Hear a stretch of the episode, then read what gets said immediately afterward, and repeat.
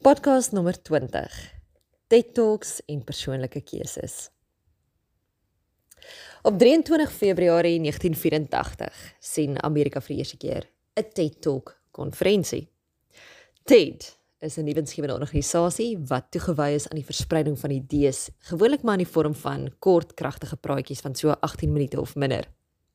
Nou TED die afkorting vir tegnologie of technology, entertainment and design of terwyl tegnologie, vermaak en ontwerp. En dit dek vandag nog byna alle onderwerpe van wetenskap tot besigheid, globale kwessies en in meer as 100 tale. Die eerste TED praatjie wat aanlyn geplaas is en met die wêreld gedeel is, het plaasgevind op 27 Junie 2006. En kan jy raai wat die tema was? Each one is powerful and moving. Each one is powerful and moving. Dit was die tema. En ek dink dit resoneer steeds vandag, nê. Nee.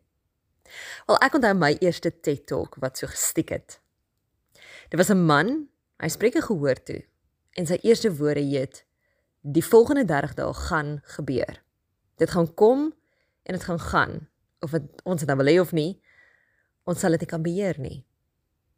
Ons kan die volgende 30 dae net sowel onvergeetlik maak en iets daarvan maak. Oh man, binne 6 minute uitry sinne wat my nie net laat dink nie, maar inspireer en dadelik laat oorgaan tot daad. Want hy vertel dat hy elke 30 dae 'n nuwe uitdaging aanpak. En of die nuwe gewoonte nou hou of nie, dit maak nie regtig saak nie. Die maand word net meer onvergeetlik. So van 'n foto-uitdaging om elke dag vir 30 dae net een foto te neem en dan 'n collage van herinneringe saam te sit aan die einde van die maand. Ehm um, tot en met die begin van fietsry, werk dit byvoorbeeld en dan in te skryf vir sy eerste wedren. Een van sy persoonlike drome was byvoorbeeld om 'n skrywer te wees. En dis het sy uitdagings toe nou hierdie daaglikse skryfroetine ingehou wat hy na ure toe nou moes inpas. En na 30 dae kon hy sy boek laat redigeer en bind. en dit was nou nie die beste boek nie, het hy nogal erken, maar dit was sy boek. En is al wat getel het.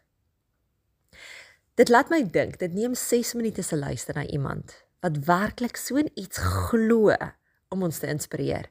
Maar is dit genoeg om ons tot daad te laat oorgaan? Is my vraag vandag. Jy sien daagliks maak ons hierdie keurige en onwillekeurige besluite wat kan uitkring en gevolge hê op ons en ander se lewens. En ons praat voordat ons dink en ons weeg nie ons dade op nie. Of ons stel weer uit. Dalk dit wat die Here al lankal in ons harte wakker gemaak het om te doen. Ons maak verskonings oor hoekom ons nog steeds iets nuuts wil leer of probeer nie. En dis eers wanneer hierdie onnodige tyd gemors is of die skade nie seer sigbaar word dat ons tyd wil terugdraai en dan slimmer keuses maak en woorde beter probeer kies en begin doen wat in ons harte is ek self staan voor 'n paar baie persoonlike keuses wat ek gemaak het en wat ek moet maak.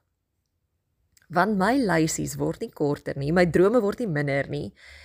En my dag weet by my voel dit net asof my dag net gevul word op die oomblik met goed, net hierdie goed.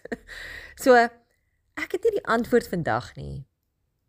Miskien nie, maar weet jy wat ek praat so hard met myself as wat ek vandag met jou praat. Verseker, is dit ons keuse om vandag te luister? Beslis. Want al het ek nie die antwoord nie.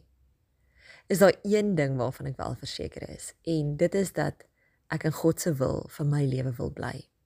Dat sy goedkeuring op my lewe die heel meeste waarde dra. Dat ek wil doen wat hy van my verwag. En dat ek getrou wil bly aan sy roeping vir die seisoen waarin ek myself bevind.